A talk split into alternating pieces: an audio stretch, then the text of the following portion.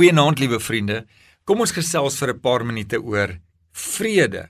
Nou die laaste koninklike titel waarmee Jesaja vir Jesus beskryf het, dan Jesaja 9 vers 5 is die van vredevors. En ek dink jy sal met my saamstem dat ons almal het 'n behoefte aan vrede. Die vrede van God bring kalmte in die hart van die kinders van God. Dit was hiervan wat Jesus gepraat het toe hy gesê het: "My vrede gee ek vir julle." Want sy eie menswees was gedurende sy tyd op aarde vol van hierdie vrede. 2 Tessalonisense 3 vers 16 sê en mag hy die Here van die vrede julle altyd vrede gee op allerlei wyse. Maar die probleem is dat daar baie dinge is wat ons van ons vrede kan beroof veral in hierdie tye en in die besonder hierdie jaar wat in soveel opsigte net buitengewoon was.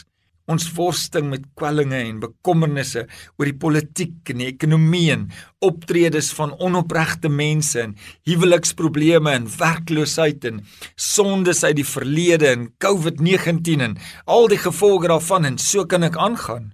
Iemand het een keer gesê dat die grootste slagveld lê so tussen jou ore, jou eie denke, jou gedagte wêreld.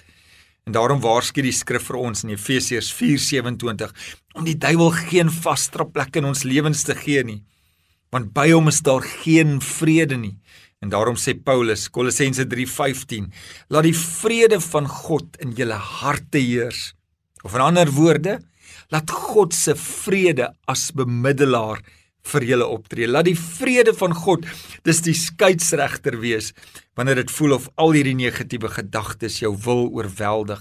As gelowiges is ons nie gevrywaar van die uitdagings wat hierdie lewe bring nie.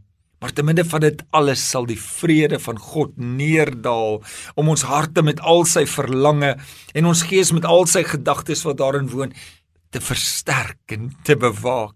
Innerlike vrede is 'n kosbare seun van God en Jesus het dit so mooi oorgedra in Johannes 14:27 tydens sy laaste maaltyd saam met sy disippels toe hy aan hulle gesê het en ek lees vir jou die boodskap vertaling dis so mooi. Hy sê julle hoef nie bekommerd te wees nie. Ek los ook vir julle geskenk wanneer ek weggaan. Vrede. Moet dit egter nie verwar met die oppervlakkige vrede van hierdie wêreld nie. Dit is vrede wat iemand net by my kan kry.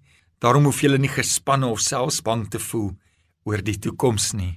Here, U het hierdie dinge gesê sodat ons in U rus en in U vrede kan vind. In die wêreld beleef ons swaar kry, maar U het die wêreld reeds oorwin. Daarom kan ons moed skep en vrede ervaar. Amen.